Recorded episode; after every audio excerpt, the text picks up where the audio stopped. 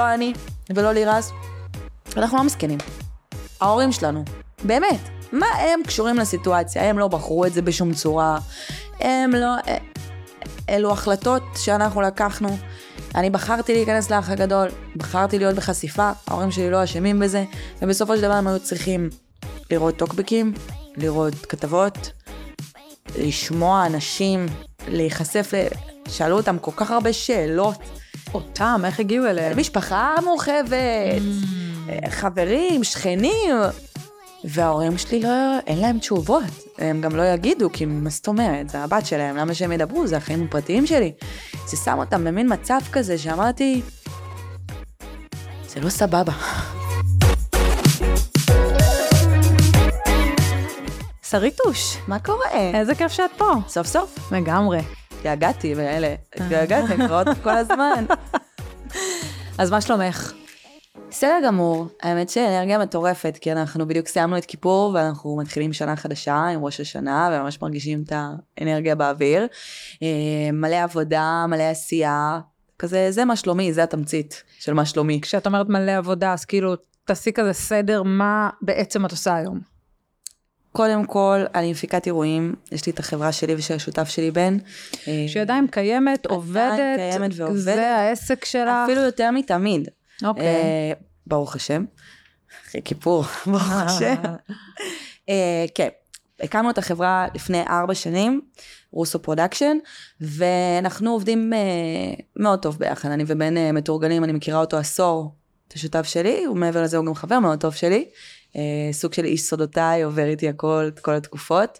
אה, וכן, אנחנו עושים חתונות ואירועים עסקיים אה, בארץ, בחו"ל. הייתה לנו עונה, עוד לא הייתה, כי עוד לא סיימנו, אני כבר מחר בהפקה גדולה, היום למחרת שוב, אוקטובר נכנס, גם אירועים, אחרי סוכות. אבל בגדול, אם אני מסכמת את העונה הזו, זו הייתה עונה באמת באמת מדהימה. מעבר לכל הציפיות, הגענו להפקות ש... אם תראי את העמוד העסקי שלנו, זה פשוט, אין, אין מישהו שלא, את יודעת, מעביר לי, וואו, כזה אני רוצה בחתונה. מלא, חברות שלי, אנשים שאני מכירה. מתי פתחת את העסק? לפני ארבע שנים, מרגלות הקורונה. כשאת וסטטיק ביחד כבר. אה, כן. זאת אומרת, העסק נפתח ביחד. בתוך מערכת היחסים שלכם, וכאילו כן. זה כן נותן איזושהי רוח גבית, בטח להתחלה של עסק. אה, ו... אני רואה תמיד את הברכה שאני נתתי לו והוא נתן לי, חד משמעית. אמ, כמובן שהאירועים, זה לא קשור כל כך ללירז, אמ, אבל הוא תמך בי בכל מובן המילה, והאמין בי לגמרי, בכל דבר, גם בעסק שלי של העוגות, גם uh, כשסיימתי את התואר במשפטי, הוא לאורך כל הדרך, ברור, חד משמעית. ואז דיברת על העסק, ומה עוד חוץ מזה, העסק של העוגות עוד קיים? עוד קורה? לא, לא, אין לי, אין לי, אין לי יכולת. אני סגרתי אותו אחרי שנתיים, ופתחתי את החברה של ההפקות. ברגע שאתה מתעסק בהפקות, אין לך זמן באמת לעוד עסק.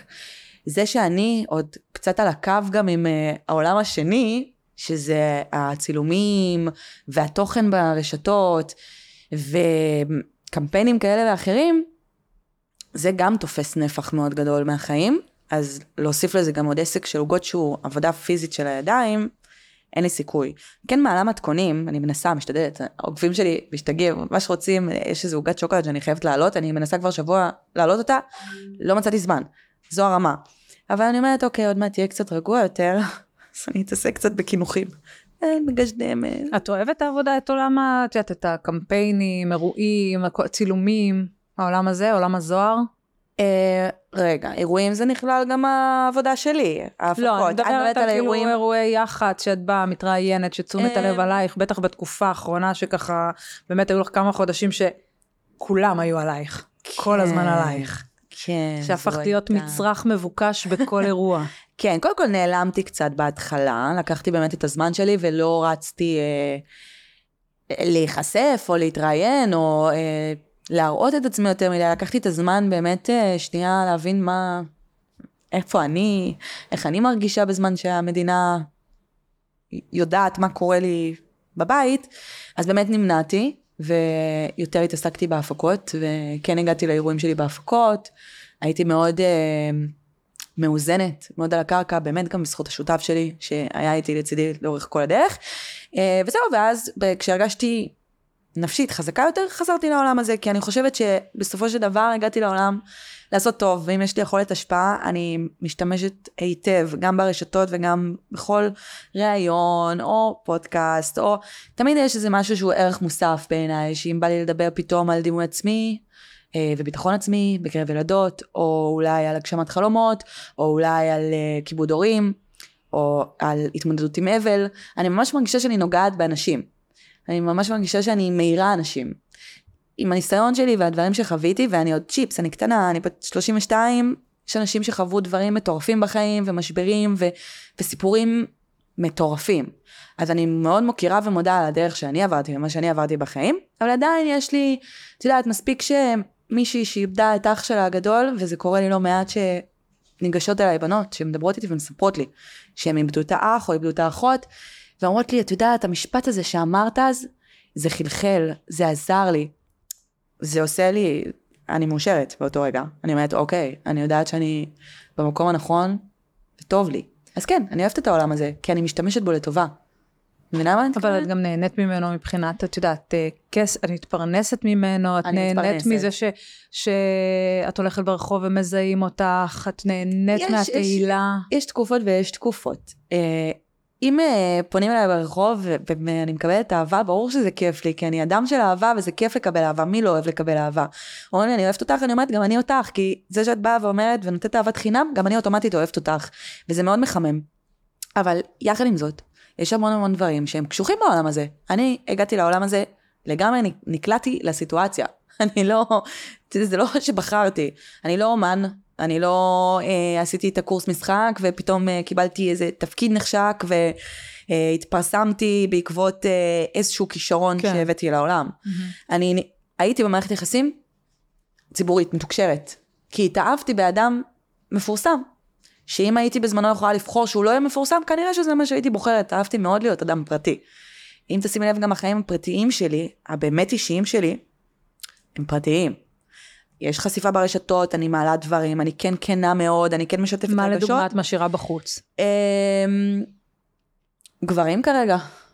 גברים אני משאירה בחוץ לגמרי. זאת אומרת, יש דייטים, את פשוט לא אה, מחצינה אותם. לא יודעת אם לקרוא להם דייטים, כאילו, כן הייתה לי אינטראקציה. כן אה, אה, דיברתי, כן פגשתי, בסופו של דבר אני אה, כבר אה, שנה לבד, אז כן, כן uh, מצאתי את עצמי באיזשהו שיח, או... אבל אני מאוד מהר רואה מה רלוונטי ומה לא, ואני מאוד מהירה, אני יודעת מה אני רוצה. Uh, אז כן, אבל אני פחות, אני, אני פחות uh, מדברת על זה, אני פחות רוצה שיראו את זה, אני לא מעוררת שום פרובוקציה גם בנושא, אני לא מחפשת אייטמים, אני בורחת מהאייטמים בנושא. אני מעדיפה רגע שנייה להבין מה קורה איתי ומה אני רוצה, ומי מגיע, ואיך יגיע, ומה יהיה, ולבנות את זה. זאת אומרת, אם אני אומרת לך, הזוגיות הבאה שלך, את מעדיפה אותו מפורסם או לא מפורסם? זה ריסקי, אני אגיד לך גם למה. בהתחלה, באמת, חד משמעית, אמרתי, לא מפורסם ולא מישהו מהתעשייה, אדם שמבחינת שגם לא יהיה לו אינסטגרם. שלא יבין את העולם הזה בכלל. הכי טוב. לי יש את העבודה שלי, לא יש את העבודה שלו, לי יש את, ה... את האינסטגרם ואת הרשתות וגם את העסק שלי, והוא שיעשה מה שהוא רוצה, אבל עולם נפרד. אבל אני ריאלית. אני אדם שחי ב... תדמייני נגיד שיש את עולם התעשייה, ויש את העולם נורמטיבי, אוקיי? נורמלי. ואני באמצע. למה? כי מצד אחד, יש לי המון חברים שלי מהבית, שהם אנשים מאוד מאוד נורמטיביים, קמים בבוקר, יש להם את העבודה הרגילה. אני אדם רגיל, נורמטיבי. אמ, העבודה שלי בהפקות זה המון עם אנשים, את יודעת, כמוני כמה אורך שלא, שלא קשורים, אה, כמוני כמה אורך שלא קשורים, את מבינה למה אני, אני, אני באמצע, אני באמצע, כי גם בנוסף יש לי גם את האמת צילום, ויש לי את ה... אמ, פתאום אני בנבחרת של דורקס, את בכל מקום. את לא תשללי. זאת אומרת, בדיוק. אם את תתאהבי במישהו שהוא מפורסם, את לא תשללי, אבל אם אני אומרת לך בפנטזיה שלך, במי היית רוצה להתאהב? אז אה, מפורסם או לא מפורסם, לאור אה, חוויות העבר? בכללי, גם הזוגיות, לא, גם לא הפרידה. לא מפורסם כי פשוט הייתי רוצה שקט בצד הזה. אבל אני גם, זה כאילו רע לי, כי אני חושבת על זה ואני אומרת, בואנה, יכול לבוא גבר, וגבר מאוד טוב, והוא, והוא יגיד, וואלה, לא בא לי מישהי מוכרת, מה אני צריך את זה? ואז הוא מפספס אותי, שאני חושבת שאני אישה ממש טובה. אז לא בא לי להגיד את זה על מישהו אחר. כי יכול מאוד להיות שיש מישהו שהוא מהעולם הזה, לא משנה באיזה תחום, רק לא זמר. אה, אני תמיד אומרת את זה. למה? לא יודעת, נתקע לי על הלא זמר. לא בא לי זמר. טראומה. לא. מה זה נתקע לך על הלא זמר? זה לא טראומה, כי אני לא יכולה לסכם את המערכת יחסים הזו כטראומה, ממש לא. זה לא את המערכת יחסים כטראומה, זה כל, את יודעת, עצם זה שהייתה אה, אהבה גדולה ופרידה, והכל, זה יכול לקרות לי גם עם באור עם שחקן. זה יכול לקרות לי אז עם זאת כל השאלה, אחד. אז למה לא זמר? אה, לא יודעת, אני... כאילו, אני אומרת, אה, גדלתי איתו יחד, ראיתי לאילו מימדים הוא הגיע וצמחנו ביחד, ובעיניי אה, הוא אחד האומנים הכי טובים ומוערכים שיש לנו במדינה, אה, ו- ולא, לא בא לי מישהו אחר, כאילו זמר, או את כל הלופ הזה, אוקיי. את השירים, את ההופעות. בוא נגוון, אפשר זה- שחקן. זה חיים קשים להיות אה, אשת זמר, בת זוג של זמר? אה, לא יודעת. כאילו עם הופעות אל תוך הלילה, עם מלא מועדונים. עם מלא מעריצות, עם מלא... אני מאמינה שבכל דבר יש קושי, גם בהייטקיסט יש קושי, גם בשחקן יש קושי, אפילו שחקן אני חושבת שזה, לא הייתי שם, אבל נראה לי שזה אפילו יותר קשה, כי הוא משחק לצד פרטנריות, אה, ויש אה, סצנות אינטימיות, אה, אז כן, וואלה כן, יש מצב אני שוללת שחקן האמת. אולי, אולי עכשיו כשאני חושבת על זה, אולי לא שחקן. לא שחקן ולא זמר. לאט אולי לאט אנחנו נצמצם את זה אולי לשם. כבר זמר, אבל לא שחקן, אה, לא יודעת, אני פתאום מתחילה כבר להתערב. אולי הוא למד משחק, אבל לא ממש שיחק בסדרות, כאילו כן. ממש לד- אני לדייק. אומרת, אני אומרת, בסוף כשאתה אומר שאתה לא רוצה, מגיע לך מה שאתה לא רוצה. אז אני אומרת, אני לא שוללת, אני בכללי בן אדם של לב. יבוא מישהו שהוא ידבר איתי בשפת הלב, וכמובן שהוא יהיה אינטליגנט. זה לא משנה לי העיסוק, זה לא משנה לי מי הוא, מה הוא, איפה הוא, למה, איך, כמה. קודם האדם שהוא, אני קודם כל בודקת את זה לפי האדם. לפי הכימיה, לפי האינטראקציה שלנו, לפי הרמה האינטלקטואלית, זה מאוד חשוב לי. אני חייבת שהוא יעניין אותי, אני חייבת אה, בן אדם אינטליגנט. וזהו, משם נתקדם, נראה, את יודעת, מערכת יחסים זו, זו עבודה. הלב שלך פנוי? כן. באמת באמת הלב שלך כן. פנוי? אני אומרת את זה ואני מחייכת, כי אני... עבדתי כל כך קשה כדי שהוא יהיה פנוי. מה עשית? הוא, הוא לא היה פנוי בשום צורה, אה, ולקח לו הרבה זמן, וזה מאוד מפחיד. אה, אני, אני, אני אגיד לך, אני משקשקת. הוא פנוי, הוא, הוא רוצה, הוא קמה לאהבה, אבל יחד עם זאת, אני משקשקת את חיי, למה? כי אני מפחדת. אני, אני באמת מפחדת מה, להיפגע? להיפגע. אני, כאילו, אני אומרת את זה, ו- ועוד שנייה עולות לי דמעות, כי אני, אני לא רוצה להיפגע.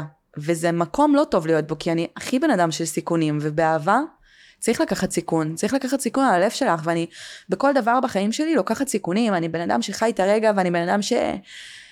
אם אני מאמינה במשהו, אני אלך ראש בקיר, ואני הכי, הבן אדם הכי הכי שעף על זה וחי סיכונים, ופתאום בדבר הזה אני כזה, רגע שנייה, פתאום בא לי לשמור על הלב שלי, אבל למה את כל כך מפחדת להיפגע?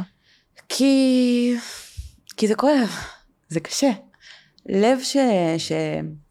לב שבור זה קשה, זה כואב, ו... ו...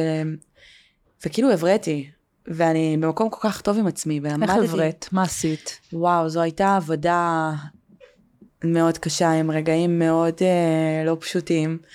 אה, לא ראיתי את האור, למרות שאני בן אדם מאוד מאוד מאוד פרופורציונלי, אני עם פרופורציות, אבל אני פשוט אמרתי, בוא'נה, יש מצב שאני לא אתאהב יותר, שאני לא...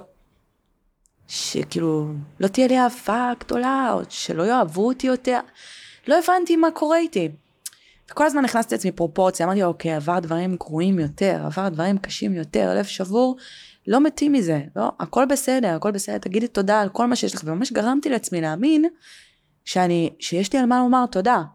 וככה בעצם, עם הזמן, כל הזמן זה תרופה להכל, ופרופורציה זה הדבר, זה הכלי הכי חזק שיש לי, ואני ממש מודה על זה שידעתי לשים את זה בפרופורציה, אבל היו רגעים שבאמת, אני הרגשתי לבד ובודדה, ומה יהיה, ומה אני אעשה, ואני אצ- אני אצליח לאהוב באותה עוצמה, או לא, מה יהיה איתי. אני... כשזה נגמר, את היית בשיא האהבה שלך? כן. זה נפל עלייך כרעם ביום בהיר? כן, אני גם לא רוצה אפילו להיכנס לתקופה הזאת, כי זה כבר כל כך לא רלוונטי, והוא גם בזוגיות מהממת חדשה. אז אני כאילו לא חושבת ש... כאילו זה דובר בכל מקום, גם אם אני אמרתי, גם אם הוא אמר, גם אם דיברו עלינו. זה כאילו, תקפו את זה בכל מקום, ואני ממש יכולה, בגלל שאני מאוד אוהבת אותו כבן אדם, זה אהבת נפש, אה, אני יכולה עכשיו לשבת איתך ולדבר איתך שיח שלם על מי הוא לירז ומי היה לירז ואיזו אהבת ילדות, אבל אני חושבת שזה לא בריא, גם לו, גם לבת זוגתו, בת זוגתו או בת זוגו? אני לא חדה היום. לרונה לי? וגם לי, כי אני כבר לא שם, אבל אדם שישב ויראה את זה, עלול לחשוב שאני כן. ואז אני מכבדת לעצמי, והיום אכפת לי בעיקר מעצמי. ואני היום במקום שאני באמת רוצה לזמן לעצמי את הזוגיות הבריאה, והנכונה והמדויקת לי. כמה היה קשה להיפרד בצל באמת, כמו שאת אומרת, או שאני התייחסתי לזה, או שהוא התייחס לזה, או שהתייחסו על זה עלינו. זה מה שהיה הכי קשה. המון המון המון שמועות באמת, כמי שסיקרה את כל הפרידה והתקופה הזאת. מהצד השני, אני יכולה להגיד שאני הייתי מקבלת ערימות, בעיקר באינסטגרם, ערימות של שמועות, שמענו שהוא זה, וגם מה שפורסם, עם uh, מה שאז עם השיר, עם הפסטיגל, עם אלעלי, עם אדם, אני לא, המון אני לא המון הולכת... שמועות סביב הדבר הזה, והיא סלחה לו, והיא לא סלחה לו, והיא העיפה אותו מהבית, וזה בגלל, כאילו זה מין, אני כאילו חושבת על ריב שלי ושל בעלי, שאם הוא כאילו פתאום לא היה ריב. מקבל אני כותרות, אסכם לך את זה, לא היה ריב, לא רבנו. אני ולירז, אה, יש לנו סינכרון, אנחנו היום חברים מאוד טובים, ולאורך כל המערכת יחסים הזו, הזאת שלנו, היינו חברים מאוד טובים, וגם לאורך כל הגירושים היינו חברים מאוד טובים. אנשים לא מאמינים לנו, אבל זה באמת נכון. אה, הוא חבר מאוד טוב שלי היום, הוא היה חבר מאוד טוב שלי גם אז, ואני לא הולכת להיכנס בכלל לתקופה, הקושי בגירושים ממש לא היה קשור לשום, בשום צורה לדברים האלה שדיברת עליהם, הם גם כל כך לא רלוונטיים, אה, ורק אני אציין שזה מצחיק, כי אני שבע שנים בעולם הזה, שבע שנים הייתי איתו, שבע שנים אני בעולם הזה. אה, בשבע שנים האחרונות שמעתי כל כך הרבה פעמים את השאלה מהסוכנת שלי, האם אני בהיריון, כי זו השמועה. ומעולם לא הייתי בהיריון. זו ההקבלה לשמועות בעולם הזה, זו תשובתי לגבי השמועות בעולם הזה. אה, אנשים אומרים הרבה דברים, הם יכולים להמשיך להגיד, זה לא מה שנוגע. זה לא נוגע? לא, זה לא משנה, זה לא רלוונטי. אה, מה שקשה זה באמת שכולם מעורבים איתך בסיפור שלך, שאת מפרקת בית. ואת צריכה רגע שנייה להיות לבד, את לא בא לך לדבר עכשיו, את לא בא לך עכשיו שהחברה הזאת או החבר הזה ישאל, או ידבר עלייך עם החבר ההוא, או אימא שלי. אימא שלי ואבא ההורים שלך שלי. הגיבו? אימא שלי ואבא שלי, תדעי לך, לא אני ולא לירז, אנחנו לא מסכנים. ההורים שלנו, באמת, מה הם קשורים לסיטואציה? הם לא בחרו את זה בשום צורה, הם לא... אה, אלו החלטות שאנחנו לקחנו. אני בחרתי להיכנס לאח הגדול, בחרתי להיות בחשיפה, ההורים שלי לא אשמים בזה, ובסופו של דבר הם היו צריכים לראות טוקבקים, לראות כתבות, לשמוע אנשים, להיחשף. שאלו אותם כל כך הרבה שאלות. אותם, איך הגיעו אליהם? משפחה מורחבת, Mm. חברים, שכנים. וההורים שלי לא, אין להם תשובות. הם גם לא יגידו, כי מה זאת אומרת, זה הבת שלהם, למה שהם ידברו? זה החיים הפרטיים שלי. זה שם אותם במין מצב כזה שאמרתי, זה לא סבבה. זה לא מגניב. היה להם קשה? אה, לא היה להם פשוט. לא היה להם פשוט בכלל, וזה אוטומטית עשה לי לא פשוט, כי אני בשבילי ההורים זה, זה העוגן שלי. אמא שלי עטרת ראשי, אבא שלי זה המלך שלי. אני רוצה שיהיו להם חיים טובים, אני רוצה לתת להם נחת, אה, אני רוצה להיות ילדה טובה, אה, מגיע להם, הם עברו חיים לא פשוטים בכלל, ואני אבל את ילדה טובה. ילדה טובה מאוד. נכון, הם גם מאוד אוהבים אותי, והם גם מאוד שמחים שיש אותי. אה, בדיוק היום בבוקר אני ואמא שלי דיברנו שעה, בגלל שאני כבר לא גרה בחיפה, אני פחות רואה אותם, ו... אבל כל בוקר זה כזה שעה בטלפון, אפילו לא יודעת על מה אנחנו מדברות, תמיד יש על מה לדבר.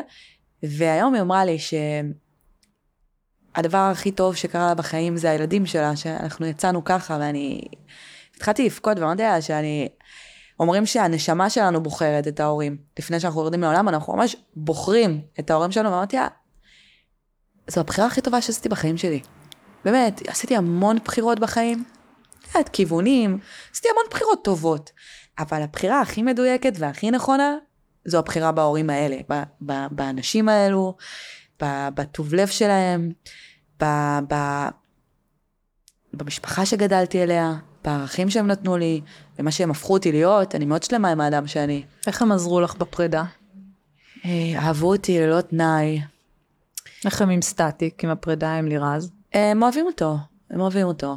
הם אה, ראו בו ילד, ואני חושבת שהם אה, תמיד אה, יאהבו אותו. זאת אומרת, אם הוא ירים טלפון, הוא יצטרך משהו... הם דיברו אחרי? היה איזשהו שיח אחרי? אני באמת חושבת שזה לא רלוונטי, כאילו לא בא לי בכלל להתעסק בזה, כי לירז זה העבר שלי, ואני שוב מאוד אוהבת אותו, מאוד מוקירה על השנים שלנו יחד, אבל אני כל כך במקום אחר, שלא בא לי שכל הפודקאסט הזה יהיה על לירז ועליי, כי אין יותר לירז ושרית.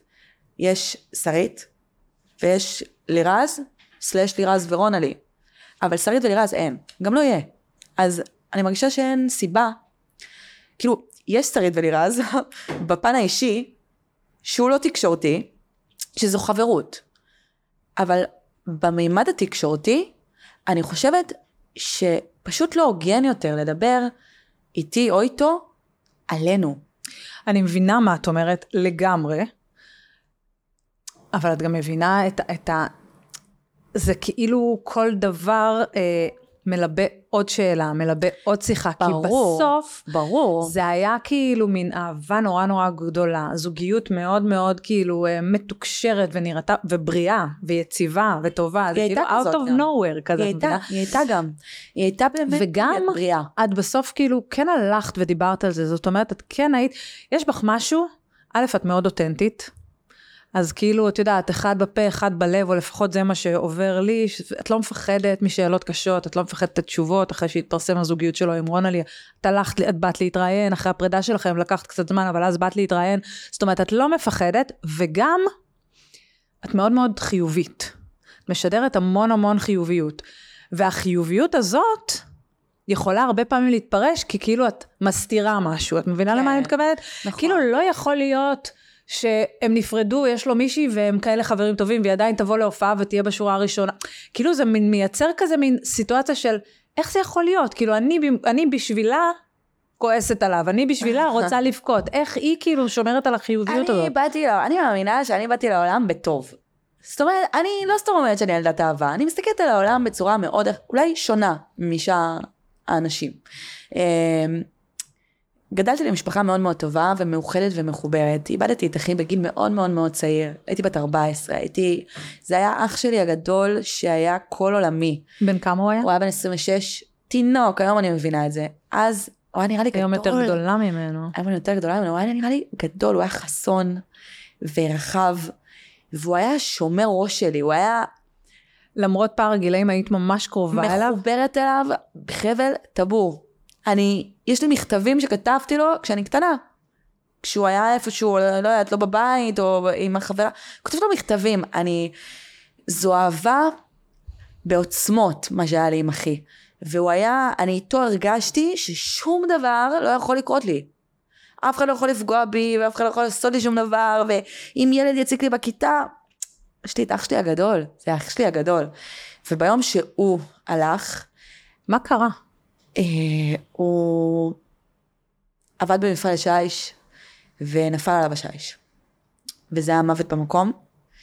אה, היו המון כשלים, כשאני עשיתי תואר במשפטים, אני קראתי את הפסק דין, אה, שלחצי ממנו אני לא זוכרת, כי אני חושבת שהדחקתי, כי מאוד מאוד קשה לקרוא פסק דין שמתאר את המוות שלו.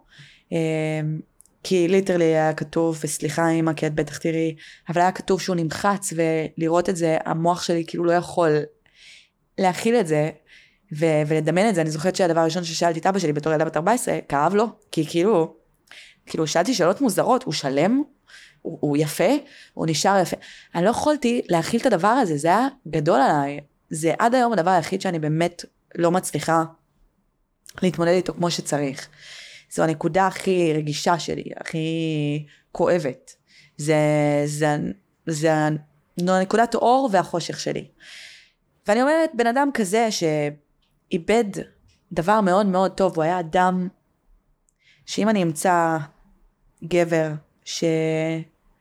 שיזכיר לי אותו בכמה, את יודעת, כמה ניואנסים, אני מתחתנת איתו ישר. כי הוא היה אדם פשוט טוב, טוב לב. המקום שלו לא פה, באדמה. הוא מלאך בכל מובן המילה, ותמיד אומרים את זה על אנשים שנפטרים, שתמיד הופכים אותם, מכירה את זה? הופכים אותם לטובים יותר ממה שהם היו, והופכים אותם, לא, לא, לא, פה מדובר באדם שכל מי שהכיר אותו, יעיד, אין, אין, אין, אי אפשר למצוא מילה אחת, עליי את יכולה עוד למצוא, לא יודעת, תגידי שאני ראש בקיר, לא, לא יודעת, תמצאי משהו. עליו אין. הוא היה רווק בזוגיות? לא, הוא היה בזוגיות. עם בת זוג מהממת שאנחנו מאוד מאוד אוהבים. עד היום? אתם בקשר? אה, היינו בקשר איתה המון שנים, ולאחרונה אולי קצת פחות בגלל שרצינו שהיא תתקדם. השלב האחרון שאני ידעתי זה שהיא עד היום היא לא, אה, היא ניסתה, אבל היא לא נכנסה, היא לא הצליחה. זה, הכי היה... הזוגיות היא לא הצליחה? לא הצליחה, היו לה כמה, אבל לא, זה לא מה שהיה לה עם אחי. בן כמה הוא היה צריך להיות היום? כמה? וואו, 45. הוא ממש תכנן להציע לנישואים, זו הייתה אהבה מאוד גדולה, זו הייתה אהבה מאוד חזקה. הם היו זוג מדהים. אמ, כאילו, אני חוזרת אחורה, ואני אומרת, בן אדם שחווה את הדבר הזה, ואת האובדן הזה, ולחיות לצד השכול, כי לא משנה כמה ההורים שלי ניסו לתת לנו חיים שמחים וטובים, עדיין אתה גדל בצל של אבדה. איך גדלים באמת? זה... איך הבית נראה אחרי כזה דבר? זה מטורף, כי רגע אחד אתה חושב שהבית שלך עומד להתפרק. אני חשבתי שהאדמה, זהו, אני, יש בור ועכשיו אני הולכת להיכנס לתוך הבור, כי אני רגע אחד רואה את אימא שלי נגמרת על הספה. ואני אומרת, fuck, אני ילדה בת 14. מה אני אעשה? הבנת את זה? הבנת את זה? אני הבנתי, כי אני ראיתי אותה שם מתפרקת. אימא שלי, הילדים שלה, זה הכל. אין לה חברים, אין לה, היא לא, אימא שלי זה אימא במשרה מלאה. אימא שלי, הלוואי והייתי יכולה להיות רבע מהאימא שהיא. היא מטורפת. היא הקדישה את כל חייה בשבילנו. אין לה כלום חוץ מאותנו. היא 24-7 חיה אותנו, היא חיה, היא חושבת עלינו, היא עושה בשבילנו, היא מבשלת לנו, היא דואגת לנו, היא מנקה לנו, היא עושה הכל. היא, היא, אין אישה כזאת, אם את תראי אותה, תגידי וואו. היא כל כך יפה חיצונית וכל כך יפה פנימית, זה, זה משהו עילאי. והיא איבדה בן, היא כאילו, זה הדבר הכי חמור שיכול לקרות לאימא, לבכות על בן. הכי זה, חמור. זה לא נקלט. אז אני, יש לי פרצוף לבכות בכלל על מר גורלי, היא עברה את הדבר הכי קשה בחיים. הכי קשה. ואין משהו שיותר קשה מזה. אין. רק הורים שמאבדים ילד, בעיניי, זה הדבר הכי קשה שיש, כי זה נגד הטבע. זה, זה, זה, זה אסון. איך את זוכרת את הילדות שלך? כאילו מאותו רגע את החיים שלך, שלך כילדה? בהתחלה בחרדה נוראית. אני פחדתי, אני תפסתי את אמא שלי, אמא שלי בכתה, ואני זוכרת שאני באתי אליה, ואני יודעת, אמא, אני קטנה, אני צריכה אתכם, אני נבהלתי, אני נכנסתי לפאניקה, עכשיו אני בבכי תביא, עוד לא הבנתי מה שקרה. כי אני רגע אחד צועקת עליה, אמא, אני צריכה אותך, אל תעשי עצמך כלום. אני נבהלתי, אני פחדתי שיקרה משהו, שההורים שלי, לא יודעת, יקרה משהו. זה היה, זה, זה קטסטרופה. ורגע אחר, אני זוכרת אותי בכלל יוצאת החוצה, ומתקשרת מהשיחות לאחי, כי אני לא מבינה. כאילו, אני לא, לא הבנתי. זה נגמר, ואני כאילו מתקשרת והוא לא עונה. ואני כאילו, ואני, ואני אומרת, למה הוא לא עונה? אני כאילו לא מוכנה לקבל את זה mm-hmm. בראש, שאין יותר את צחי. אין יותר. אין יותר את הבן אדם. והחיים בשנתיים הראשונות, זה לא היה פשוט, ההורים שלי הלכו לבית עלמין כל יום, שזה דבר שהוא לא כל כך, זה לא טוב. אתה צריך כאילו לשחרר, אבל איך אתה אומר להורה לשחרר? איך אתה יכול? היה מאוד עצוב. ויחד עם זאת, הם מאוד ניסו כאילו להראות לנו שמח. הם, הם כאילו, הם היו עצובים והם ניסו לגרום לנו לחשוב שהם שמחים. זה היה מאוד מבלבל, אבל אני בן אדם של רגש, אני מאוד קולטת רגש, אני מדברת ברגש. בן אדם יכול להגיד לי א', אבל אני ארגיש אותו. הוא יכול להגיד לי שהוא בטוב, אבל אני אדע שהוא לא. אז אני הרגשתי את ההורים שלי, והם לא היו בטוב, אבל הם עשו הכל בשביל לתת לנו ילדות שמחה. הם עשו הכל בשביל לתת לי ילדות שפויה. אימא שלי רצתה שאני אחווה, שאני אגדל, שאני אשמח, שאני אראה את העולם באור יפה, בחיוביות, שאני לא אשקע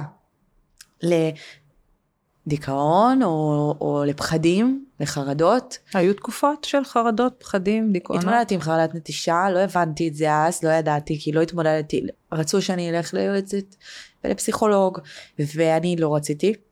למה? לא הסכמתי לדבר על זה, לא רציתי לדבר על זה, לא דיברתי על זה, הסתרתי את זה, הכחשתי שזה קרה, אדם חדש שהגיע לחיים שלי, המצאתי לאחי חיים. בוא נגיד, לא התמודדתי עם המשבר מה הזה. זאת כמו אומרת? מה היית זאת אומרת מספרת? שאמרתי שהוא גר בארצות הברית. וזהו, יש לי שני אחים. אח אחד גדול חי פה, אח שני אמצעי גר בארצות הברית. ולא הייתי מדברת עליו. פשוט הסתרתי את העניין הזה. לא רציתי שירחמו עליי. לא רציתי שיגעו לי בנקודה. רציתי שהסיפור הזה יהיה רק שלי. שאף אחד לא ידע.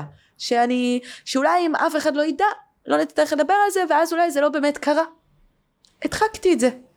לא, לא זה היה גדול עליי, לא, לא, לא הרגשתי יכולה להתמודד עם זה. ו, ו, וגם לא רציתי ללכת לפסיכולוג, ואני ילדה עקשנית, ולא בכיתי כמה שנים על זה, על אחי, אני כאילו, חוץ מהכמובן הרגע הראשון והלוויה, והשיבה, אחרי השיבה עשיתי כאילו סוויץ'. פתאום אמרתי, אוקיי, עכשיו את הופכת להיות חזקה. כי עכשיו ההורים חלשים, ואת צריכה להיות הגב של המשפחה הזאת. כי ואחיך. אחי, הוא... אני חייתי עם אחי הגדול שנפטר 14 שנה, אבל אחי הגדול זכה לחיות איתו 26. זה מלא זמן, מלא. מלא. זה היה החבר הכי טוב שלו. יש ביניהם פער של שנה. הוא היה עם... זה, זה קשה, זה היה לו קושי נורא, והוא לא דיבר על זה, את יודעת, הוא, הוא מאוד מופנם. הוא גם מאוד ניסה לתמוך בהורים, אבל הוא, כאילו הוא לקח את, הוא חווה את זה בדרך אחרת, הוא גם היה גדול יותר, הוא היה בן 27, הוא, הוא הבין יותר ממני. היו שם, אני אפילו לא יודעת בדיוק איך הוא חווה את זה. הוא כאילו, היה לו קשה, עד היום קשה, לי ולא, שנינו, אבל הוא, הוא היה יותר מופנם. אתם מדברים על זה? אנחנו מדברים על הרבה דברים, אנחנו נזכרים. אני, היום אנחנו גם צוחקים, סתם, אמרתי לו, מה, לא קנית את השער שלי? צחי היה קונה את כל הדוכן. זה כזה ב, בשיח, ואנחנו נזכרים, שזה כיף. לפני שנכנסתי לאח הגדול, הוא אמר לי דבר מאוד מאוד מרגש, שאני חושבת שזה הדבר הכי מרגש שאחי הגדול אמר לי אי פעם. אה, ישבנו ואמרתי לו שאני מפחדת להיכנס, כאילו זה מפחיד. בואי, זה מפחיד. אתה יודע מה יהיה, את מי תכיר, איך תצא. לא, לא הייתי בסיטואציה הזאת, אני לא יודעת איך להתמודד עם דבר כזה, זה דבר חדש, זה לצאת מאזור נוחות, ואין לי את, המה, אני, את החברות שלי, את, את, את האנשים שסביבי, אין לי אותם, המשפחה שלי. ואז הוא אמר לי, סעית, את יודעת, את הילדה הכי חזקה שאני מכיר. ויותר מזה אני אגיד לך משהו. לא, לא נראה לי שאמרתי לך את זה אי פעם. אבל מיום ליום, כשאת גדלה, אני רואה למי את דומה, ואני הופך להיות אדם מאוד מאוד רגוע. הסתכלתי על המטאור. מה זאת אומרת? למי אני דומה? לאמא, לאבא, למי אני דומה? אני דומה למלאך שלנו.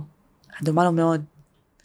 ומבחינתי, זה הדבר הכי טוב שבן אדם יכול להגיד לי, כי הרי מבחינתי, זה המודל לחיקוי שלי, הכי הגדול. צחי, שזה אדם הכי טוב שאני מכירה.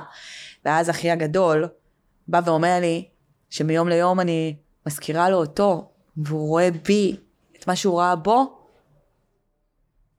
הרגשתי שעשיתי את שלי, שאני בדרך הנכונה, שאני בדיוק האדם שאני רוצה להיות. וש... וזה הדבר הכי מרגש שהאחי הגדול אמר לי. אז כן, אנחנו מדברים פחות על האובדן. יותר זיכרונות mm-hmm. וחוויות ודברים שאני בכלל לא הייתי חלק, כי את יודעת, באתי מאוחר, אז הם חוו חיים שלמים בלעדיי, שזה קצת לא הוגן, אבל, אבל בסדר, אני תמיד נהנית לשמוע. דיברת על האח הגדול ועל הפחד להיכנס.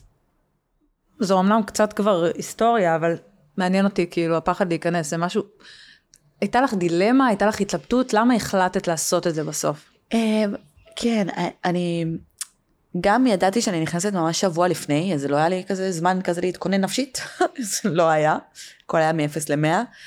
Uh, התלבטתי כי פשוט, וגם הדבר הראשון שאמרתי לרועי עוז, האח הגדול, הוא אומר לי, ממה את מפחדת? כי הוא ראה אותי כזה שקשקת בשיחה שלנו כשנפגשתי איתו. לו, אני מפחד שלא יהיו לי חברים. בתוך הבית? כן, זה מה שפחדתי ממנו, הוא אמר לי, מה זאת אומרת? למה, אבל יש לך קשיים בלהתחבר לאנשים, או במסגרות מסוימות, חווית איזשהו קושי, ואמרתי לו, אתה יודע משהו? לא. אבל אני לא יודעת למה אני מרגישה פתאום שאולי לא, לא, יהיה לי, לא יהיו לי חברים. כי באתי במקום אה, שהוא עם פחות ניסיון, נכנסתי לעונה שהיא עונה של אנשים שכבר עשו ריאליטי אחד לפחות בחייהם. זו הייתה עונת VIP, אבל לא עונת VIP רגילה. זה לא היה עכשיו, נגיד, אה, אולי אה, זמר או איזו אה, אחות של אשתו, זה אנשים שחוו בימיהם גם ריאליטי בנוסף לכל כן. זה. גם אנשים שיודעים את העולם הזה וגם אנשים שחוו ריאליטי. זאת אומרת שהם יודעים מה זה טסטות, הם יודעים מה זה מצלמה, הם יודעים, ואני לא יודעת. אני באתי לשם, זה היה כאילו בעצם הארדקור הראשון שלך בתעשייה, הראשון נכון? בתעשייה. כי עשיתי ימי צילום ועשיתי שערים והתראיינתי. אוקיי, נחמד, נייס. אני ורבלית, תמיד הייתי ורבלית. יש לי ביטחון, הביטחון שלי לא היה כמו היום. אני, הביטחון שלי נבנה, בעיקר בשנה האחרונה. הדימוי העצמי שלי מאוד עלה. ביחד עם זה גם הביטחון. אבל אז הייתי במקום כזה של מאוד, רגע, אבל אולי לא, אני לא מבין בכלל מה עושים, ובאמת בשבועות הראשונים הייתי כזה, לא, לא נכנסתי בכלל, לא היו טסטות שלי, כי לא נכנסתי, לא הבנתי שצריך להיכנס. לא הבנתי מה קורה, אני לא מול מצלמה, אני הייתי אני, כאילו הייתי הכי אני. ואני לא דמות ריאליטי. אני לא. כי למה? כי אני לא מייצרת פרובוקציות. ואני לא בן אדם שנכנס לעימותים ורבה. מייצרת פרובוקציות בעל כורחך. זה החיים. אבל אני לא מייצרת אותם. אני נקלט לסיטואציות, זה שונה. אבל תשימי לב שגם באח וגם בחיים האישיים שלי, אני לא נכנסת לפרובוקציות, אני לא, אני לא נכנסת לעימותים, אני לא כן. רבה. את לא תגיבי למישהי אחרת באינסטגרם ותעשי איזה בלכלוך? סכסוך, כן. לא, תגידי לי, את רצינית? יש עיקר ויש טפל. אני ממש מתמקדת בעיקר. שוב, יש אנשים שזה גם באופי שלהם. המלחמתיות. שזה לא בהכרח דבר רע. יש, יש כאילו אנשים שמשיגים דברים בצורה הזו, אני משיגה דברים בצורה אחרת.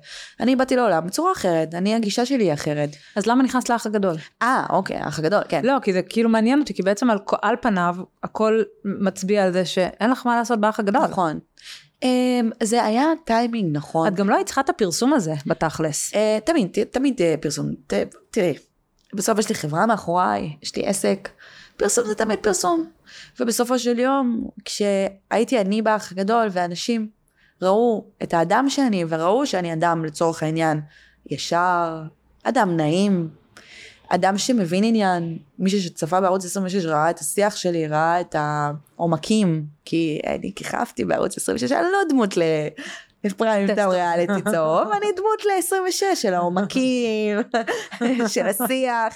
אז פתאום אנשים גם חיבבו אותי, ופתאום כן, אה, אה, אתה ראית את שרית, אה, אז יש לה חברה להפקות, אז יש, יש חתונה, פתאום אני, אני יותר נגישה לאנשים. אנשים פתאום אומרים, אוקיי, נורא נעימה, היא נורא אמיתית. מבינה מה אני מתכוונת? כן. אז כאילו המחשבה הייתה גם שם וגם תכלס, תכלס, תכלס, תכלס של הסיפור.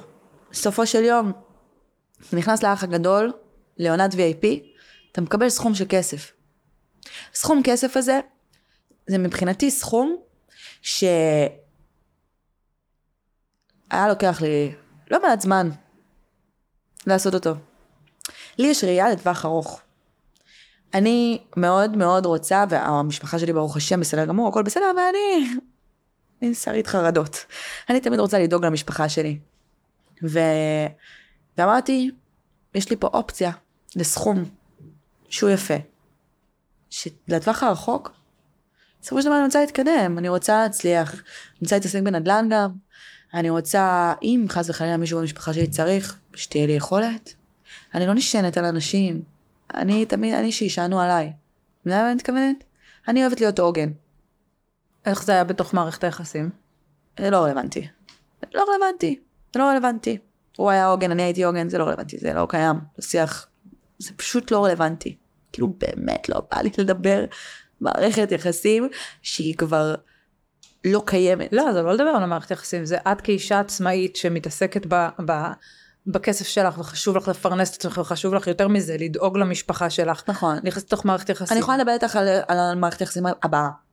אוקיי. כי ה- ה- האחרונה לא רלוונטית, וגם מה ששלנו שלנו. אם אני מסכמת את לך, אישה של חצי חצי, חשבון משותף, חשבון שלך, חשבון שלו. אני מסכמת אני את זה- דואגת לכסף שלי אצלי, הכסף שלו אצלי. לא, אני בן אדם שממש ביחד. אוקיי. מאוד. יחד עם זאת, אני מאוד רוצה גם, אני, בוא נגיד ככה, מעולם לא בחרתי אדם לפי העובר ושב שלו. זה לא המצב. זאת לא הייתה השאלה שלי. לא, אז זה, זה מה שאני אסביר אוקיי. עכשיו. זאת אומרת שזה לא משנה לי, כי אני מדברת על העתידית. אוקיי. אני לא מדברת על מה היה. מה היה, היה, היה טוב וטוב שהיה, וזהו. סיימנו. זה העבר. אני מדברת על העתיד, כי אני ממש שם. עתידית, לא מעניין אותי העובר ושב של האדם. מעניין אותי שיש לו אמביציה, שהוא שואף, שהוא קם בבוקר רוצה ללכת לעבוד, זה כן, ברור, כי גם אני כזאת. אה, בסופו של דבר, אם יהיה לו כסף או לא יהיה לו כסף, זה לא יעצור אותי מלהמשיך לעבוד. מבינה מה אני מתכוונת? זו הכוונה שלי. אם יהיה לו כסף, והוא יגיד לי, אל תעבדי, זה לא יקרה. כי אני אוהבת להיות עצמאית. ואני אוהבת לעשות עם עצמי משהו. ואני לא מתכוונת לוותר עליי. ברור, אבל יש הבדל בין זה שאת רוצה להגשים את עצמך, לבין זה שאת יכולה להישען על מישהו. זאת אומרת, יבוא בן אדם, יגיד לך, יש לי את כל הכסף שבעולם, את יכולה עכשיו לשבת לגדל את הילדים. את עצמך, להגשמה שלך, לא, תס, לא תיקחי את זה נכון. בשתי ידיים, כי את צריכה להגשים את עצמך, את בן אדם של עשייה. השאלה אם כלכלית, את יודעת, כי אפשר גם להגשים את עצמך בהמון דרכים שלא יקרה? מכניסות כסף. רגע, השאלה אם כלכלית, את יכולה להישען ככה על מישהו ולשחרר ולשים לא. את כל הביטחון על במישהו לא, אחד. כי מה יקרה? יום אחד, הוא יתעורר, והחליט שהוא קם והולך. אז גידלתי ילדים, אבל לא עבדתי? לא הבנתי. קודם כל עזבי את זה שעבודה בבית, לגדל ילדים, לעבוד בתוך הבית זו העבודה הכי קשה שיש. אימא שלי, זו העבודה שלה. אימא שלי, מהבוקר עד הערב, אין לך הפסקות, אין לך משמונה עד חמש, אין לך שישי שבת. זה 24-7 על הילדים. לחיות את הילדים. עבודה קשה ומוערכת. אימא שלי באמת אחת הנשים הכי עוצמנתיות שאני מכירה. ואבא שלי מהבוקר עד הלילה עבד, ובאמת פרנס את הבית, ו, ובאמת אני הייתי רואה אותו אולי בסופי שבוע, כשהייתי ילדה, אמ, ו- ו- והוא איש עבודה, ויש להם גם זוגיות מושלמת, בוא, זה של פעם, אנחנו מדברים על אה, ההורים שלי בני 70 עוד מעט, שיהיו בריאים ויזכו לחיים ארוכים, בעזרת השם. אה, ואימא שלי נתנה את כל חייה לנו, וזו עבודה מאוד מאוד קשה.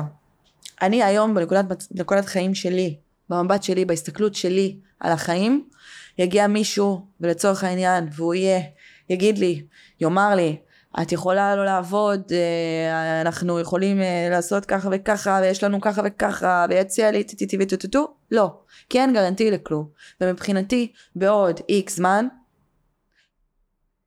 הוא יכול לקום וללכת, או אני יכולה לקום וללכת, הבנתי את העניין. זה יכול להיגמר. זה יכול להיגמר. זה יכול להסתיים. אז לא, אני רוצה לעבוד. עכשיו, ברור שאני רוצה גם להיות אימא. זה החלום הכי גדול שלי, ו... ו, ו ואז זה הדבר הכי טוב שיקרה לי בחיים ברגע שאני אהפוך להיות אימא. ואני אהיה אימא. אני גם יודעת שאני אהיה אימא, אימא וואו. יש לי מודל 100 מ-100. אבל אני לא אפסיק, אני לא, אני לא חושבת שאני אפסיק אה, לעבוד. זה גם עושה לי טוב לנפש וגם, כן, ברור שאני רואה חיים משותפים ושהכול ביחד, ואם אה, יהיה לי יותר, כך. הבעיה אצלי זה מה קורה כשלא יש יותר. לי יש את הבעיה אצלי, זה בעיה אצלי של כאילו לקחת, לא יודעת. יש לי בעיה, אין לי בעיה לתת, כי מה? כי את לא, תלויה במישהו אחר? יכול להיות. את מרגישה שעושים בשבילך? לא יודעת. שקונים אותך במרכאות? לא, לקנות אותי אפשר, אבל לא יודעת, זה, זה משהו כזה שאני לא... אני צריכה לעבוד על זה כנראה, כי בסופו של דבר כשאתה נותן גם, גם הבן אדם שמולך רוצה לתת, וכשאתה לא יודע לקבל, אז זה כזה... זה כזה, אוי, נו, למה קנית? ואתה בכ- בכוונה טובה, כאילו, אתה אומר, כאילו, לא היית צריך, אבל אז אני אומרת, אוי, רגע, אבל אולי זה לא יפה שאמרתי למה קנית, כי הוא כל כך השקיע וקנה, אבל אני אומרת לו, לא, למה קנית? לא צריך, חיים שלי, אני לא צריכה שתקנה לי, ת, תכתוב לי. ברמה הזאת, שלא יודעת לקבל מתנות, לא יודעת לקבל עבדתי על פירוקים, לא זה, יודעת... עבדתי על זה, קיבלתי המון מתנות, וזה עבודה, זה עבודה. אתה אוהב לקבל מתנות. באיזה מקום זה יושב, כאילו, שאת- כאילו, שקשה לך לקבל? לא יודעת. אני לא יודעת, אני צריכה כנראה לעבוד על זה עם הפסיכולוג שלי ולהבין מאיזה מקום זה נובע. לא יודעת, יש כל כך הרבה דברים לעבוד עם הפסיכולוג, אין לי רגע. אבל אני אומרת, כרגע אין מי שיקנה לי מתנות, אז הכל בסדר, אני לא צריכה להתמודד עם זה. כשיגיע הרגע יגיע נתמודד. הרגע נתמודד. סתם לא, אני גם מאמינה שעברתי איזשהו שינוי ולמידה, ואני כן, בואי, קיבלתי גם הרבה מתנות, אז, אז אני... וזה כיף לקבל מתנות. אני גם קונה הרבה את מתנות. בן אדם אוהב, את בן אדם זוגי. מאוד. את בזוגיות, את כאילו בזוגיות אה, כזאת, אה, לא יודעת, המילה דביקה זה לא בדיוק המילה, אבל את מבינה למה אני מתכוונת? לא כאילו דביקה. מאוהבת כזאת, לוי דווי כזאת אה. וכזה, או מאוד כזה זוגיות של אה, שכלתנית, לא. תומכת. לא שכלתנית, אה, אני מאוד רגש, לא דביקה אבל, כזה לא לוי דווי כל היום, נימי, לא, אבל אני פועלת מאוד מרגש, אני מאוד מכילה. אני יכולה אה, לשמוע שעות על איך עבר עליו היום, אה, לדעת מה לומר, איך לומר, איך לרפא. אני תמיד אני אומרת שיש לי את הכוח המרפא, שאני, הוא יכול להיות עצוב, ואני איכשהו אצליח להפוך אותו לקצת פחות עצוב. זו, זו הזוגית, שאני מאוד מאוד זוגית, אז זו התקופה, זה הכי הרבה זמן בחיים שלי שהייתי לבד. אני עכשיו, הייתי- השנה הזאת? כן, כי אני בדרך כלל, עזבי עכשיו זוגיות רצינית, מערכת יחסים. בדרך כלל, הייתי נגיד במערכת יחסים, נגמר, אחרי חודש, חודשיים, כבר מתחיל לי איזה סיפור, גם אם זה לא התפתח עכשיו למערכת יחסים יציבה של שנים, זה עדיין היה איזה סיפור שהיה איזה חצי שנה, שנה, התפתח. אז מה הפעם? הייתי חייבת שנייה לבד. אמרתי, אם אני נכנסת עכשיו למערכת יחסים, אין לי מה לתת. אין לי מה לתת, לא רוצה לקבל, אני במקום, אני חייבת שנייה רגע לרפא את עצמי, להבין את עצמי, מה אני רוצה, אני לא יודעת מה אני רוצה, לעבוד על הדימוי העצמי שלי, למה זה לא עובד ככה יותר. אני לא אהבתי את עצמי. בואי נדבר רגע על הדימוי העצמי שלך. בגדול, הדימוי העצמי שלי היה מאוד נמוך. למה? כל החיים? עליות וירידות, הוא לא יציב. וכשהוא לא יציב זה אומר שהוא נמוך. פשוט יש לפעמים אופוריה. איך ואתה- זה מתבטא? אתה מתחזק את זה על ידי גירויים מהסביבה. זאת אומרת שאם אתה צריך, אה, וואו, ברחה לי המילה, פידבק. אם אתה צריך פידבק חיובי, ואתה ניזון מהסביבה, זה אומר שהדימוי העצמי שלך הוא לא בדיוק באותו מקום שהוא צריך להיות. כי מאיפה זה אמור להגיע? מבפנים. זה עבודה של שנים. הרי גם האדם היפה ביותר, בוא ניקח, אני נגיד חושבת, עדן פינס תהיה בריאה, אין יפה כזאת. אני יכולה להסתכל על השעות, עזבי שהיא מגניבה והיא, אני מתה על וה- היא מטורפת בעיניי. אני יכולה להסתכל עליה ולהגיד כאילו זה פלא את בריאה. היא יפה ברמה שהיא לא, לא הגיונית. יש המון נשים יפות, גם אנה זה, המון המון נשים יפות שאת מסתכלת עליהן ואומרת, הכל מדויק, הכל מסורטט, הכל וואו. גם הן, בוודאות, באיזשהו שלב, לא אהבו משהו, רצו לשנות משהו, ברור, יש להם איזשהו אישו, ברור, כולן. ברור. זה נותן פרופורציה אגב, שמישהי שהיא בעינייך נראית כל כך יפה, יש לה איזשהו אישו עם עצמה. לכולן. וזה נותן פרופורציה. אז מה שאני אומרת, ברגע שאני הרגשתי שאני צריכה פידבק חיצוני מהסביבה, הבנתי שאני לא, זה לא בא לי מבפנים. ולקח לי המון זמן להשלים עם המון דברים שלא אהבתי בעצמי. וכשנכנסתי לעולם הזה זה החריף. כי אתה נתקל בטוקבקים. ואז גם אם חשבתי בצעירותי, כשהייתי בת 25, 24, כשהייתי אדם אנונימי לחלוטין, ו, וכאילו, לא יודעת, פתאום נגיד היינו באיזה מסיבה, וכזה שמתי עין על איזשהו בחור, אף פעם לא התחלתי עם בחור, תמיד איכשהו הגיע. אז כאילו אם נגיד שמתי עין על בחור, איכשהו אוטומטית, תמיד היה איזשהו קליק, והוא כאילו גם שם עליי עין, והוא ניגש, אז אוטומטית כזה בראש את אומרת, אוקיי, כאילו, יש בך איזשהו קסם, אז את מדחיקה את כל מה שאת לא אוהבת, כי מצליח לך, כי את כאילו, אתה, יש לך חברים ומרימים לך, ו... אבל אז אתה נכנס לעולם הזה, ואתה מקבל טוקבקים מהמון אנשים שאתה לא מכיר, שלפעמים יכולים לכתוב מלא מלא דברים שאתה, אני האמנתי להם. אני, משהו שזכור לך, שנחרט, ששרט. אה, כאילו, מה הדבר שהכי מעליב אותך? היום כבר לא מעליב אותי, כי קודם כל, גם נראות זה עניין של טעם. על המראה החיצוני? גם לא, על המראה לא היום, החיצוני. אבל בעבר. בעבר אמרו על המראה החיצוני מהסיבה פשוטה שלא הכירו אותי. אני נמנעתי מהתקשורת במשך שנתיים. אני לא הגעתי לאירועים מתוקשרים יותר למה? מדי. פחדתי מהעולם הזה. אני, יש לי לב מרגרינה, וכשהייתי ממש ממש צעירה, כשהייתי קטנטנה, רציתי להיות שחקנית. ממש פיצית, פיצית, פיצית. וככל שגדלתי ראיתי שאני בן אדם מאוד רגיש, ואני לא... והבנתי שהעולם הזה הוא מאוד קשה, כי ראיתי כל מיני רעיונות של אנשים שהם מספרים על כמה העולם הזה קשה, ו...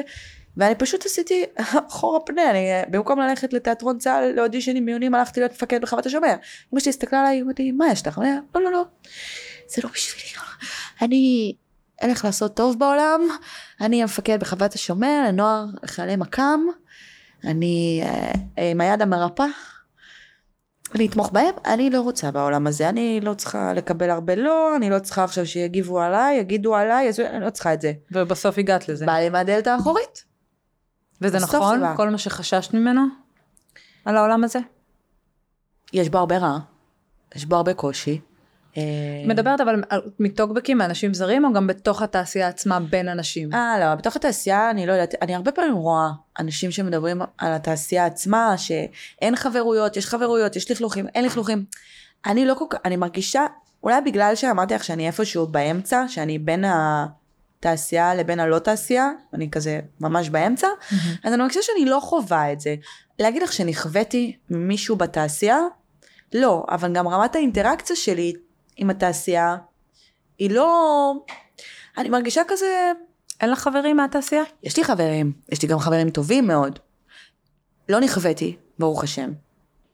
אני בעצמי כאדם לא צבועה לאנשים, אז יכול להיות שאולי הם גם אליי לא צבועים, או שאולי הם צבועים ואני לא יודעת, יכול להיות שאומרים עליי דברים ואני לא יודעת. את תמימה? הייתי תמימה, אני תמימה, אבל גם חדה. יכול להיות שאומרים עליי דברים ואני לא יודעת, אבל בסופו של דבר הקרובים אליי באמת, הם אני יודעת שהם בסדר.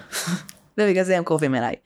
ושוב, גם לא הרבה קרובים אליי, אני נחמדה לכולם, אני חברה של כולם. אם מישהו יצטרך אוזן קשבת, אני אהיה שם. גם מעולם, לעולם לא תשמעי אותי אומרת, אני יכולה להיות הכותל. אם מישהו מרגיש טוב לפרוק אצלי, הוא יפרוק. אף אדם אחר, שזה לא אותו האדם, לא ידע את זה. וכבר קרו מקרים, לא ידע את זה.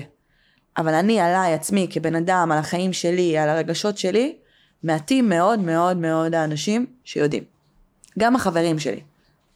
מעטים האנשים שיודעים את רחשי ליבי. למה?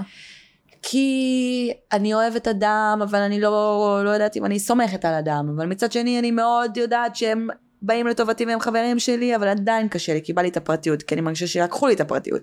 אז אני כזה קנאית לפרטיות שלי, ובא לי את עצמי. מצד שלישי אני אומרת, לא בא לי עצות, כי אני אומרת, אני רוצה ללכת עם מה שאני מרגישה, ממה שאני יודעת, כי יש לי אינטואיציות, ואני אומרת, לא בא לי עוד יותר להתבלבל. יש לזה המון רבדים. אבל בגדול בגדול, אני בן אדם שסומך על עצמו מאוד, על התחושות בטן, אני לא מרגישה צורך לפרוק את החיים, את הנקודות הכי הכי הכי הכי הכי שלי. אז אצל מי בכל זאת כן? חברות שלי מהבית, יש לי חברה שהיא איתי שנים, ספיר זו, היא הייתה הטלפון הראשון שהכי נפטר. זה הבן אדם, זה יכול לומר הרבה. כמובן שיש לי עוד כמה, את שרונה את מכירה, יש לי, יש לי את המעטים האלו שאני, את יודעת. סומכת עליהם. מה זה סומכת? מרגישה, את יודעת, מירי כהן, היא כמו אימא שנייה שלי. הצורה שהיא עוטפת אותי, ועטפה אותי, ואת יודעת למה אני מעריכה אותה? כי היא פעם אחת, בכל השנה הזאת, לא שאלה אותי מה קרה. עד היום. זה מעצבן אותך ששואלים אותך על זה עדיין? אה, לפעמים... כי ראיתי שקצת התעצבנת בהתחלה. כי קשה לי כאילו שאנחנו כאילו תמיד... שאת לא משתחררת לא... מזה? לא, שאני השתחררתי אבל כל השאר לא. לא, שאת לא משתחררת מהשאלות על זה. אה, כן, כי זה, שוב, אמרתי לך, זה גם לא מכבד אותו, והוא מאוד חשוב לי, ואני אומרת, יש לו זוגיות, ומה, אני עכשיו כמו צרצר, כל הזמן שואלים אותי, כי אני, אני מרגישה שבשיח הזה עליו, אני לא רלוונטית יותר. כאילו, קחו אותו, תשאלו אותו על החיים שלו, ועל העשייה שלו, ועל הזוגיות שלו, תשאלו אותה, אבל מה אני קשורה? מבינה? אני העבר, עבר טוב, ועבר יפה. ו- אבל, וכן אני רוצה את השאלה הזאת, כי זו שאלה שלי כאישה, לי, עזבי, אני לא מדברת בכלל על טוקבקים וזה, ש- ו- ו- ותגובות וכאלה. כשפורסם הזוגיות שלו, לי כאב בלב. אז אמרתי, מה עבר עלייך? אמרתי שכאב לי בלב. אמרתי. את ראית את זה מגיע? לא. איך אני יכולה לדעת? בואי, אף בן אדם לא יושב וחושב מי תהיה הבאה, כי זו מחשבה מאוד כואבת. אה, גם הוא לא, אגב, עושה את זה. גם הוא לא חושב מי הבא. וזה שזה היה קרוב יחסית, מהר יחסית. כל אחד מתמודד אחרת. תראי, זה שאלות שצריך לשאול אותו. אני לא הפה שלו, אני לא הרגע שלו. איך זה היה לך, לא מה זה, מה הוא אה, עשה ואיך חשבתי הוא שאת עשה. שואלת אותי איך זה קרה כל כך מהר. לא, לא, לא, איך את אותו. לא, לא, לא, לא, לא. מה- איך- את קיבלת את זה? אה, כאילו, איך את הרגשת עם זה? שוב, זה כל כך לא, לא שם, שאין לי כוח אפילו להיכנס, לחפש את התחושה שהייתה לי אז. דובר פה על לפני אולי חמישה חודשים? כמה זמן עבר? פחות או יותר. לא הפתיע אותי שהוא נכנס לזוגיות כי לירז בן אדם זוגי. אני בעצמי אמרתי לו שהוא ייכנס לזוגיות לפניי. אה, גם את בן אדם זוגי. נכון, אבל אני הייתי חייבת. הוא זוגי יותר. אוקיי.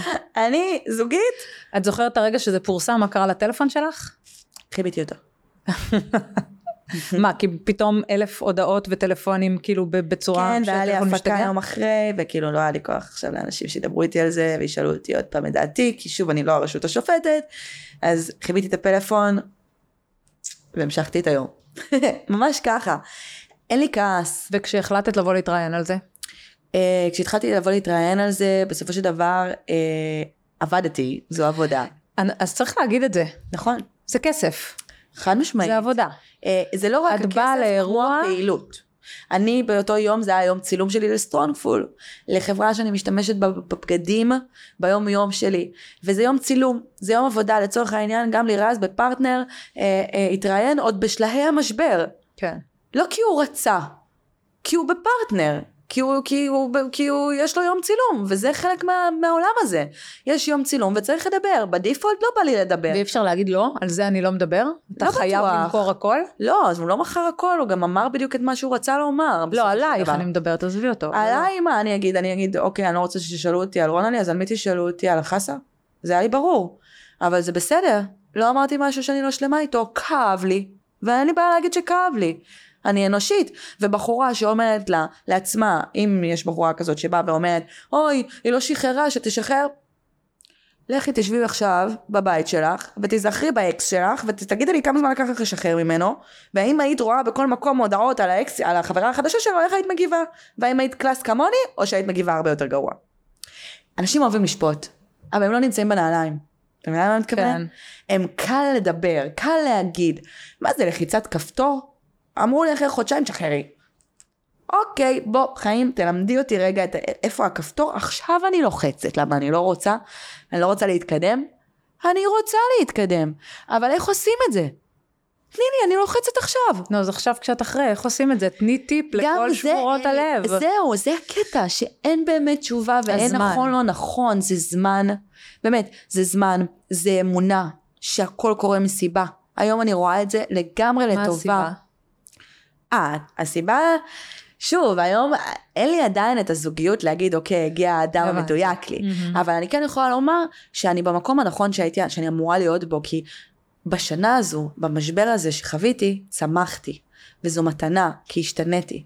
ובאמת שהיום אני אוהבת את עצמי. פעם לא אהבתי, היום למדתי לקבל את הדברים, אז זאת הסיבה. כנראה. כי גם אדם, כי גם כשאת אוהבת את עצמך, גם הזוגיות הבאה שלך תהיה אחרת. נכון, חד משמעית. וקיבלתי אהבה בזוגיות האחרונה וגם בזוגיות שלפני, קיבלתי אהבה. אבל כנראה השיעור שלי היה שאני צריכה באמת ללמוד לאהוב אותי לפני שאני נותנת אהבה או למישהו לאהוב אותי. כי רק, רק אז זה באמת יהיה הנכון, זה באמת יהיה המדויק, זה באמת יהיה ה... level הבא. ועכשיו אני שם. הדבר הכי נכון שעשיתי זה באמת להיות לבד. זה אני לא מתחרטת. שבאמת לא פתחתי את הלב, ובאמת לא ניסיתי. היו לך הזדמנויות? פנו אליי המון, וגברים גם באמת איכותיים, ברמות. כאילו, את יודעת, אנשים שלפי רק הנוסח של ההודעה, את רואה שהוא גבר. כאילו, את רואה בשיח, את רואה בצורה, בפנייה, איך הוא מספר על עצמו. ואני זוכרת שאימא שלי אמרה לי, אבל אולי תעני, אולי תיפגשי. אולי את מפספסת, אמרתי לה, לא, לא, לא, לא, לא. אני לא מפספסת. כי מה ששלי יגיע, אבל בזמן הנכון. אז לא היית עונה בכלל?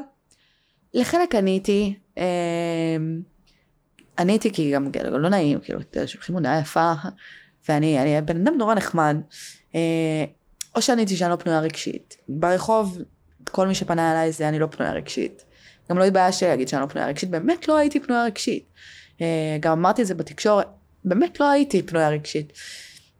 אה, לחלק אני הייתי גם לשיח ו, ו, וכזה דיברנו ו, ואמרתי תקשיב אני בתקופה כזאת של התמקדות בעצמי וזה ממש אתה אתה נשמע וואו אבל אני חייבת רגע אותי. כאילו סוף סוף עצרתי רגע מלחשוב על אחרים ועצרתי רגע את הנתינה ועצרתי רגע את ה... ואמרתי אוקיי פוקוס שרית. שריטוש צריכה לטפל בעצמה שריטוש צריכה זמן לבד. עכשיו שריטוש סיימה את הטיפול, אה, זה הטיפול ארוך. ושריטוש מוכנה למערכת יחסים הבאה. כן, זה מפחיד, אבל כן. אז מה את מאחלת לעצמך? וואו. Hmm. אני מאחלת לעצמי, אה, מה, במערכת יחסים או בכללי? בכללי, במערכת יחסים, בטח ראש שנה חדשה. תתפרעי, וואו, אז קודם כל, קודם כל אני מאחלת גם לי וגם לך שהסובבים אותנו והקרובים לנו שיהיו בריאים. זה הכי חשוב, כל השאר, הבל אבנים. אה, שנהיה בעשייה, נעשה מה שאנחנו אוהבים. לא נוותר על עצמנו, וכמובן, שאני אאחל לעצמי, אני לא יודעת אם זה יקרה השנה, אני מקווה שיקרה השנה, אבל גם אם לא זה גם בסדר, כי לכל דבר יש את הקצב שלו ואת הזמן שלו, אבל אני לגמרי מאחלת לעצמי שהבחור המדויק לי יגיע אליי אה, בדיוק בזמן הנכון, ושהוא יהיה אדם טוב, אה, ושהוא הוא ילמד אותי לאהוב שוב. וכאילו, הכי מתבקש, כאילו, את יודעת, החלום הכי גדול שלי זה להיות אימא, אז כאילו בסופו של דבר. את מוכנה לזה, את שם. אני מוכנה לזה כבר מגיל 24. רציתי להיות אימא צעירה. זה... אני גם צעירה, כן? שלא פתאום עכשיו בחורה בת 33, כן. 32, 30 תשמע את זה ות... היום הכל יכול, הכל אפשרי, אנחנו לא של פעם, הכל בסדר, אנחנו... היום, גם היום זה צעיר, אבל פשוט, את יודעת, ההורים שלי בני 70 ובא לי שהם... אה, יהיו סבא וסבתא. סבא וסבתא... וכמי שהייתה במערכת יחסים רצינית זה היה על הפרק באיזשהו שלב? זה דובר? זה לא משנה. נראה לי שצריך לשאול אותו על uh, העתיד שלו. תגידי, את, uh, את, את בן אדם מאמין? כן. יש פעמים שאתה מתרחק ויש פעמים שאתה מתקרב. זהו, איך כאילו, איך אתה שומר על אמונה בתוך כאילו דברים שקורים בחיים? מה הדבר הכי באמת טרגי שקרה עם אח שלך, דרך קשיים ש... נתקלת בהם, כולל השנה האחרונה? המשבר היחיד שלי עם האמונה, באמת היה הרגע שאחי נפטר, שם התרחקתי.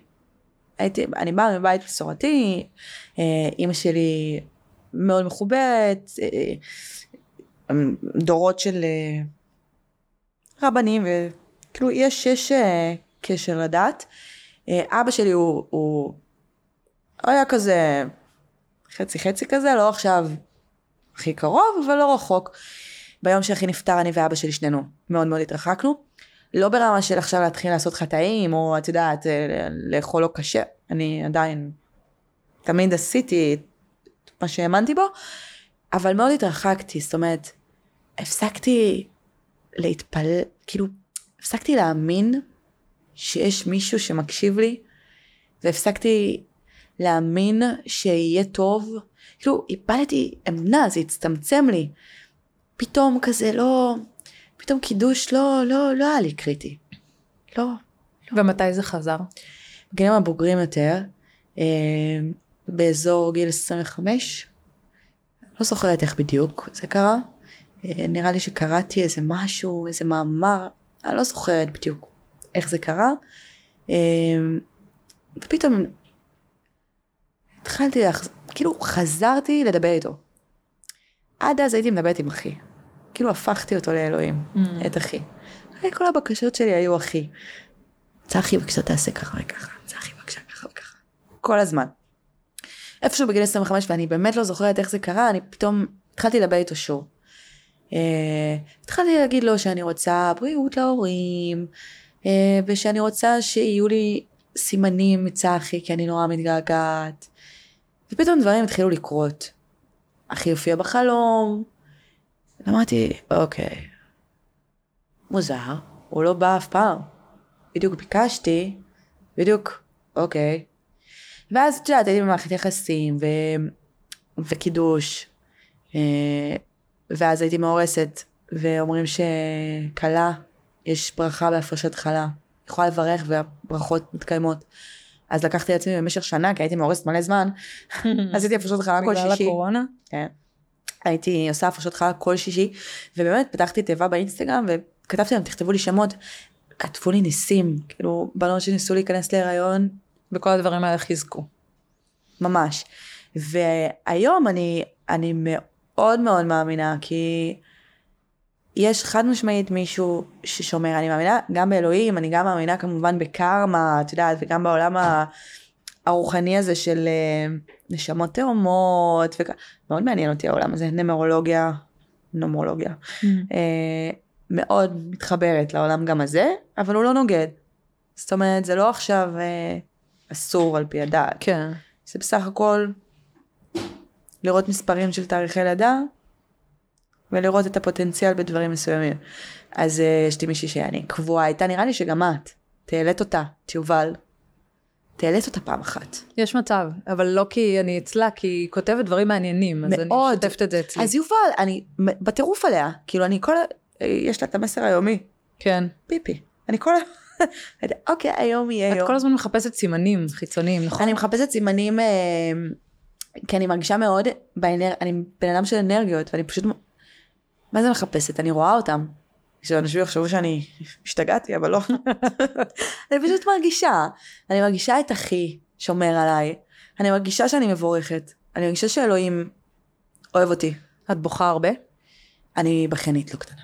כן. אני אבל בוכה גם בסרטים מצוירים, אז זה לא נחשב. אה, אני בוכה כי אני רגשנית, ואני בוכה כשאני בלחץ מדברים מסוימים, אה, וכשנוגעים לי בנקודות, שזה קשור לאחי, כשזה קשור למשפחה שלי, אם משהו רע קורה לחברה שלי, אה, חברה שלי איבדה ילד בהפלה. אני מגשדרת איתה, אני בוכה איתה, אני גמורה איתה, אני שמחה איתה ועצובה איתה, אני מרגישה בעוצמות, אני בן אדם של רגש, אני, אני מדברת רגש. נראה לי שרואים את זה עליי. כן. אז אני ממש ככה, אני בוכה מלא. בכיינית. בכיתי מלא גם באח. כל הזמן בוכה. חשבתי שאני אקבל קמפיין לטי- ללילי, לא, וואלה לא יצא. אבל אולי עכשיו. אולי? לא מאוחר אף פעם, את עדיין. בכיינית. רק שלא ישאלו אותי שאלות. כאילו הפנים, בעצם אנחנו בואי נסכם את הפרק גם כי עבר, הזמן עבר נורא מהר, אבל בואי נסכם את הפרק בזה שכאילו בפנטזיה שלך זה הרעיון האחרון שבו שואלים אותך על סטטיק. אה, כן, ולא בקטע רע. לא בקטע רע. כן? בקטע של, בקטע מאוד מכבד. בקטע של הלאה וקדימה. הלאה, קדימה, thank you next, כי אני לא רלוונטית, הוא בזוגיות. מילא, את יודעת, הוא לא היה בזוגיות. תשאלו כמה שאתם רוצים, כי בסדר, נו, הוא לא בזוגיות, אני לא בזוגיות, בסדר, לא נורא, כאילו, נדבר, אין בעיה, נדבר, פה נפתח עוד פעם את השיח. את רוצה לשמוע עוד פעם מה היה בזוגיות? אין בעיה, כאילו, את הדברים הטובים? אין בעיה, בוא נדבר על הדברים הטובים. אבל פה היום אנחנו במקום כל כך אחר שאני, את יודעת, אני עם החיים שלי, עם הזימונים שלי ועם הפוטנציאלים שלי. מדברת ברבים כי אני מזמנת. אני אומרת לך, לא שמתי, סתם התלבשתי יפה כאלה. כן, תסבירי, שמת, קנית עקבים של 13 סנטימטר כי את רוצה בחור גבוה, בואי נדבר על זה. לא, עכשיו את תוציא אותי, כאילו אני אה, שטחית. לא, לא, לא, לא, לא. אה, אחד מיני... אה, אני בהחלט נמשכת לבחורים. אה, לא, אבל זה דוגמה לזימון, זה דוגמה לככה. את מתנהלת בעולם, בזימונים. מה, בזימונים, אני נמשכת לבחורים גבוהים, אבל זה לא רק, זה לא יעזור לי שהוא רק גבוה. זאת אומרת, כן. יכול להיות שיהיה מישהו נמוך והכימיה תהיה איתו וואו, אז זה מאוד לא יעניין אותי העקב 13 סנטימטר ששמתי. ברור. אבל כן, אני נמשכת, כאילו, כן. תשמעי, אני אסכם את זה בככה, אני אגיד לך שאני מאחלת לך שבפעם הבאה שניפגש, נדבר על הזוגיות הבאה שלי. נדבר על זוגיות חדשה או. בחייך. בואי ניתן לזה קצת. זמן. אני מנסה ניתן- שהזוגיות שלי הבאה, אולי תהיה טיפה מתחת לרדאר. בואי ניתן לזה קצת זמן. כאילו בואי נקבע שאולי נגיד אם אני אכיר אותו, נניח, עוד שבוע, סתם, זימונים. בואי ניתן עוד חצי שנה כזה מתחת? לרדאר. כן, היית רוצה? הלוואי, אבל אני יודעת שאני לא ריאלית, כי מה, אני אשב איתו כל היום בבית? ברור שלא. אז כאילו, אני אומרת, אוקיי, אני אקח בחשבון שיש מצב ש... היית חוזרת היום לאנונימיות אם היה לך את היכולת, את האפשרות? שאלה מעניינת, אני לא יודעת. אני לא יודעת להגיד לך. כי עשיתי, עשיתי מלא טוב, תוך כדי זה שלא הייתי אנונימית. השפעתי על מלא אנשים. מלא. אם אני מראה לך את ההודעות שיש לי, מטורף. חשפתי לאנשים סיפורים, ואז הם הזדהו. ופתאום היה להם קל. ילדות קטנות, בנות שאיבדו, הורים. הכמות לא הגיונית. ואם אני אומרת, כל דבר יש טוב ורע. אבל פה זה ממש נגע לי בנקודה, אז אני אומרת, וואלה, הטוב עלה. על הטוב ועל הרע, ואני גם לא מאמינה בזה, יש לי קעקוע שאומר no regret, אני לא מאמינה בלחזור אחורה ולשנות.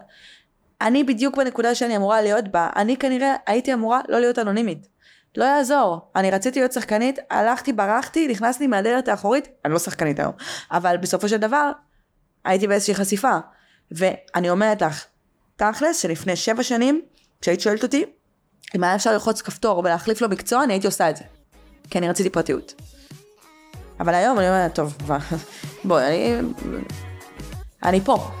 טוב, אנחנו חייבות לסיים שאלה אחרונה, תעשי עוד פעם ריאליטי? יש סיכוי לכזה דבר? never say never, never say never, לא יודעת, לא, אבל never say never. שרית, תודה שבאת. תודה לך. היה מהמם. היה לי כיף. גם לי.